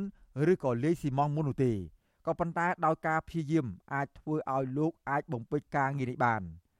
លោកវឿងសំណាងប្រាប់ថា លោកធ្វើការងារនេះដោយសារខ្វះខាតលុយបង់ថ្លៃបន្ទប់ជួលនិងការចំណាយថ្លៃហូបចុកប្រចាំថ្ងៃលោកប្រាប់ថាក្នុងស្ថានភាពបែបនេះគឺពិបាករកការងារធ្វើព្រោះវិបត្តិជំងឺ Covid-19 ក៏ប៉ុន្តែលោកអាចមានការងារធ្វើគឺជាភ័ព្វសំណាងរបស់លោកទៅហើយទោះបីជាការងារនោះហត់នឿយ ឬប្រឈមគ្រោះថ្នាក់យ៉ាងណាក្តីចង់អ៊ូលដើមកទាំងអស់គ្នានេះវារឿងដែលពួកខ្ញុំបានជួបណាគឺខ្ញុំនឹកស្មានថាខ្លួនខ្ញុំធ្លាក់ពីសកម្មជននយោបាយមកខ្លាយជាកម្មករសំណង់ភីខ្លួននៅស្រុកគេនឹងគឺលំបាកលំបាកហ្នឹងលំបាកមែនតើគឺអឺមិនដឹងជាចាប់អីធ្វើអីមុនទេបាទមិនដឹងជាចាប់អាណាធ្វើអាណាមុនទេគឺ យើងមិនដឹងជាចង់ដែកមុនឬក៏យើងលេសំណងមុនអានោះគឺអត់ដឹងអីក៏សោះតែម្ដងរីឯកម្មករសំណងម្នាក់ទៀតជាសកម្មជនគណៈបកសង្គ្រោះជាតិដែរនោះគឺលោកសៅពលៈធ្វើការងារលើកដាក់និងទម្លាក់ពីដានចុះក្រោមជាមួយនឹងកម្មករផ្សេងទៀតក្នុងការដ្ឋាននោះលោកឲ្យដឹងថាលោកអាចចូលធ្វើការងារនៅទីនេះបានបើទោះបីជាគ្មានឯកសារត្រឹមត្រូវដោយពលករផ្សេងទៀតព្រោះទទួលបានការអនុគ្រោះនិងមានការយោគយល់ពីមេការខ្មែរនៅទីនោះ លោកថាទោះបីជាលោកមិនសូវចេះការងារផ្នែកនេះតែលោកអាចទទួលបានប្រាក់ឈ្នួលក្នុងមួយថ្ងៃប្រមាណ14ដុល្លារក្នុងមួយថ្ងៃដោយកម្មករផ្សេងទៀតដែរសកម្មជនគណៈបកសង្គ្រោះជាតិរូបនេះនិយាយថាទោះជាការងារពិបាកយ៉ាងណាក៏ប៉ុន្តែលោកពេញចិត្តនឹងធ្វើនឹងនៅតែមានឆន្ទៈតស៊ូដោយរងចាំថ្ងៃវិលចូលស្រុកវិញជាមួយនឹងថ្នាក់ដឹកនាំគណៈបកសង្គ្រោះជាតិអត់ទ្រាំហើយរងចាំឱកាសក្នុងការវិលត្រឡប់ទៅប្រទេសកម្ពុជាវិញដូច្នេះការតស៊ូរបស់យើង ជាង10ឆ្នាំរហូតដល់ថ្ងៃនេះគឺថាយើងអត់មានការតូចចិត្តអត់មានការអស់សង្ឃឹមទេគឺនៅតែមានសង្ឃឹមជានិច្ចហើយអ្វីដែលយើងអាចធ្វើបានដើម្បីរក្សាការតស៊ូរបស់យើងគឺយើងព្យាយាមធ្វើតទៅទៀតបាទទីមួយគឺដោយសារយើងមើលឃើញប្រទេសជាតិយើងកំពុងតែញោមញីទៅដោយការឈ្លានពានពីបរទេសចិត្តខាងទីមួយគឺវៀតណាមបាទទីពីរគឺចិនដែលកំពុងតែលុបដៃយ៉ាងជ្រៅក្នុងវិស័យ សេដ្ឋកិច្ចក៏ដូចជាវិស័យយោធានៅក្នុងប្រទេសកម្ពុជាយើងហើយការដ្ឋានសំណង់មួយកន្លែងនេះភ្នាក់ច្រើនគឺពលករខ្មែរជាអ្នកធ្វើកម្មករសំណង់ដែលមានថៅកែធំជាជនជាតិថៃ និងមេការគ្រប់គ្រងទូទៅជាជនជាតិខ្មែរមេការខ្មែរម្នាក់នេះហើយដែលបានផ្ដល់ការងារដល់មន្ត្រី និងសកម្មជនគណៈបកសង្គ្រោះជាតិទាំងនេះអ្នកគ្រប់គ្រងការដ្ឋានសំណង់រូបនេះសូមលាក់ឈ្មោះនិងសម្លេង បានប្រាប់អាស៊ីសេរីថាលោកបានផ្ដល់ប្រាក់ឈ្នួលដល់អ្នកនយោបាយទាំងនេះស្មើនឹងកម្មករផ្សេងទៀតដែរលោកយល់ថាការអនុញ្ញាតឲ្យមន្ត្រីនិងសកម្មជនគណៈបកសង្គ្រោះជាតិដែលគ្មានឯកសារត្រឹមត្រូវបានការងារធ្វើហើយត្រូវធ្វើការងារមិនត្រឹមត្រូវតាមច្បាប់ប្រទេសថៃក្តីក៏ប៉ុន្តែក្នុងនាមលោកជាជនជាតិខ្មែរនិងជាអ្នកប្រជាធិបតេយ្យដែរនោះលោកត្រូវតែជួយទៅតាមអ្វីដែលអាចធ្វើទៅបានរីឯប្រធានក្រុមការងារជាជនជាតិខ្មែរម្នាក់ទៀតលោកងួនស៊ីលៀប ប្រាប់ថាមន្ត្រីនិងសកម្មជនគណៈបកសង្គ្រោះជាតិដែលធ្វើការងារនៅទីនេះគឺខិតខំបំពេញការងារដោយកម្មករផ្សេងផ្សេងទៀតដែរអូមានអីបងដូចគេដូចឯងណាដូចកម្មករឈ្មោះគ្នាធ្វើដូចតែគេដូចឯងហ្នឹងបាទអីបងជួយថាយើងអត់អានគាត់ដូចជាបងដូចជាគឺដូចអ៊ំរបស់យើងដែរគាត់មកធ្វើការជាមួយ សប្តាហ៍មានសកម្មជននិងមន្ត្រីគណៈបកសង្គ្រោះជាតិចំនួន64នាក់ដែលបានរត់ទៅប្រទេសថៃគេចចេញពីការធ្វើទុកបុកម្នេញនិងមិនព្រមចុះចូលជាមួយនឹងគណៈបកប្រជាជនកម្ពុជាលោកថាឆន្ទៈរបស់មន្ត្រីគណៈបកសង្គ្រោះជាតិភៀកច្រើនគឺសុកចិត្តភៀសខ្លួននិងរងការលំបាកគ្រប់បែបយ៉ាងដើម្បីរក្សាកម្លាំងតស៊ូនយោបាយតទៅទៀតដោយមិនព្រមលុកឧត្តមកតេនោះទេ ពួកគេនៅតែរក្សាចំហវល់ចូលស្រុកវិញជាមួយនឹងថ្នាក់ដឹកនាំគណៈបកសង្គ្រោះជាតិដើម្បីស្ដារសិទ្ធិមនុស្សនិងប្រជាធិបតេយ្យនិងចូលរួមការបោះឆ្នោតនៅពេលខាងមុខខ្ញុំបាទសេកបណ្ឌិត អាស៊ីសេរីពីរដ្ឋធានី Washington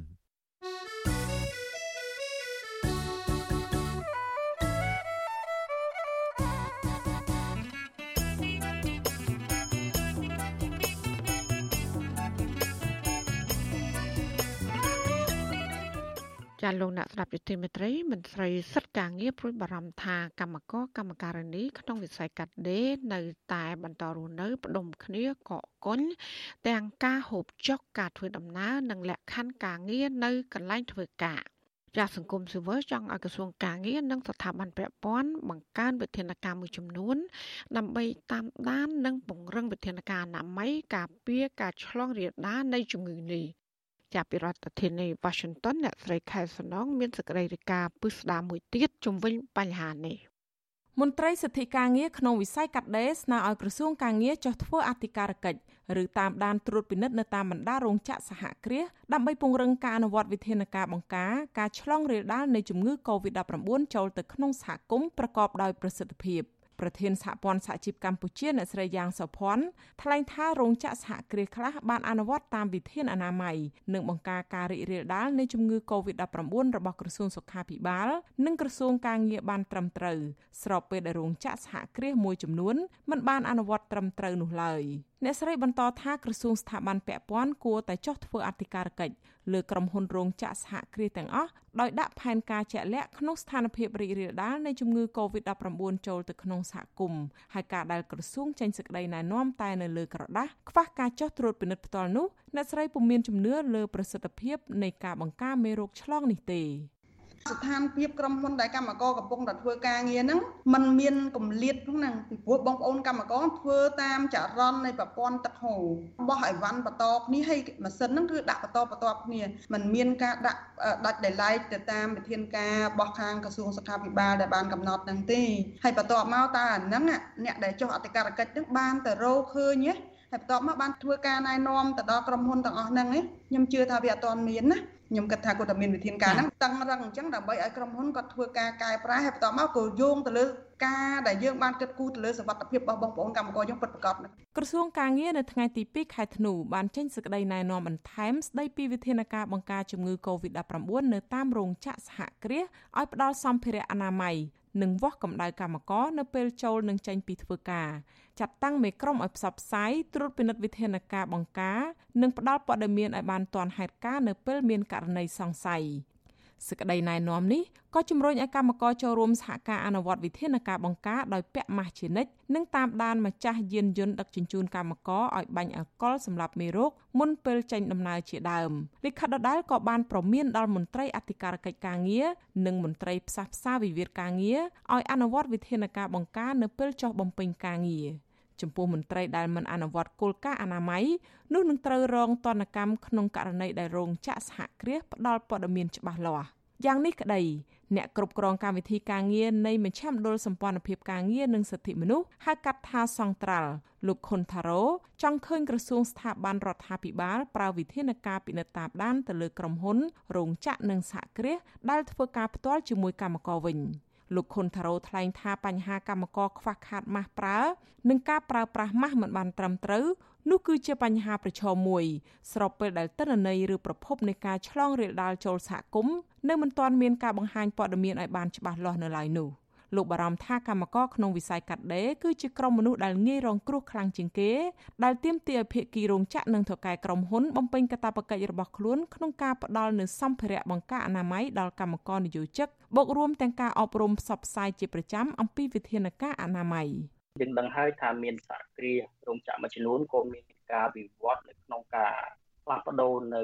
ផលិតកម្មនៅក្នុងការ ផលិតម៉ាស់ជាដើមនៅក្នុងការនាំចេញឬក៏នៅក្នុងការប្រើប្រាស់ក្នុងស្រុកអញ្ចឹងរាជរដ្ឋាភិបាលគួរតែគិតគូរអំពីសុខុមាលភាពកម្មករយុចិត្តនឹងជាចម្បងពីព្រោះថាបើសិនជាមានការប៉ះពាល់ឬក៏មានការឆ្លងណាមួយដល់កម្មករនិយោជិតណាមួយនោះខ្ញុំគិតថាវានឹងអាចជាកត្តាជះខ្លាំងទៅដល់វិស័យមួយដែលមានកម្លាំងពលកម្មច្រើនហើយហានិភ័យនៃការអាចឆ្លងបន្តពីមួយពីមួយនោះគឺកាន់តែខ្ពស់ អ្នកគ្រប់គ្រងកម្មវិធីការងារនៃអង្គការសង្ត្រាល់លោកខុនថារ៉ូបន្តថាក្នុងដំណាក់កាលនេះរដ្ឋាភិបាលគួរតែគិតគូរបញ្ហាអតិភិបទៅលើពលរដ្ឋខ្លួនឯងជាជាងធ្វើកិច្ចការមនុស្សធម៌ផ្ដាល់ម៉ាស់ទៅឲ្យប្រទេសដទៃប្រការណាមួយដែលអាចមានការរីករាលដាលទៅដល់សហគមន៍គាត់ហើយមានការឆ្លងនោះវានឹងអាចបន្តទៅដល់នៅក្នុងរោងចក្រហើយកម្មកររាប់ពាន់រាប់ម៉ឺនអ្នកទៀតអាចថានៅក្នុងតំបន់សួនសេដ្ឋកិច្ចពិសេសជាដើមឡាក់ឡាក់ហ្នឹងវានឹងអាចប្រឈមទៅនឹងបញ្ហាហ្នឹងអញ្ចឹងគួរតែបង្កើននៅការវិនិយោគហើយបើអាចរដ្ឋាភិបាលគួរតែគិតនៅបញ្ហាអត្ថភាពសុខុមាលភាពជាពលរដ្ឋសំខាន់ពុំទាន់គិតទៅដល់នៃកម្មភាពមនុស្សធម៌នៅក្នុងការផ្ដល់ទៅដល់បណ្ដាប្រទេសមួយចំនួនអញ្ចឹងយើងត្រូវបដោតអត្ថភាពនឹងចំណាយម៉ាស់រាប់លានដើម្បីឲ្យកម្មករនិយោជិតហ្នឹងគាត់អាចប្រើប្រាស់ហើយបើសិនជាមានការខ្វះខាតនយោជកហ្នឹងក៏ត្រូវតែចូលរួមចំណែកបន្ថែមទៀត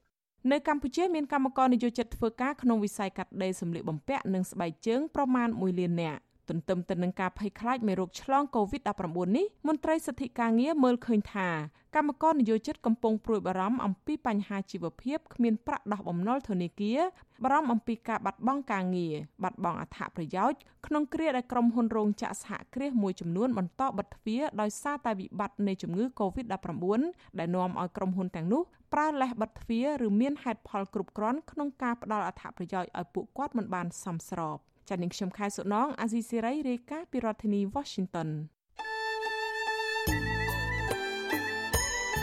ចាលោកនាងកញ្ញាអ្នកស្ដាប់ជាទីមេត្រីការផ្សាយរយៈពេល1ម៉ោងរបស់វិទ្យុអាស៊ីសេរីជាភាសាខ្មែរនៅពេលនេះចាប់តែប៉ុណ្ណេះ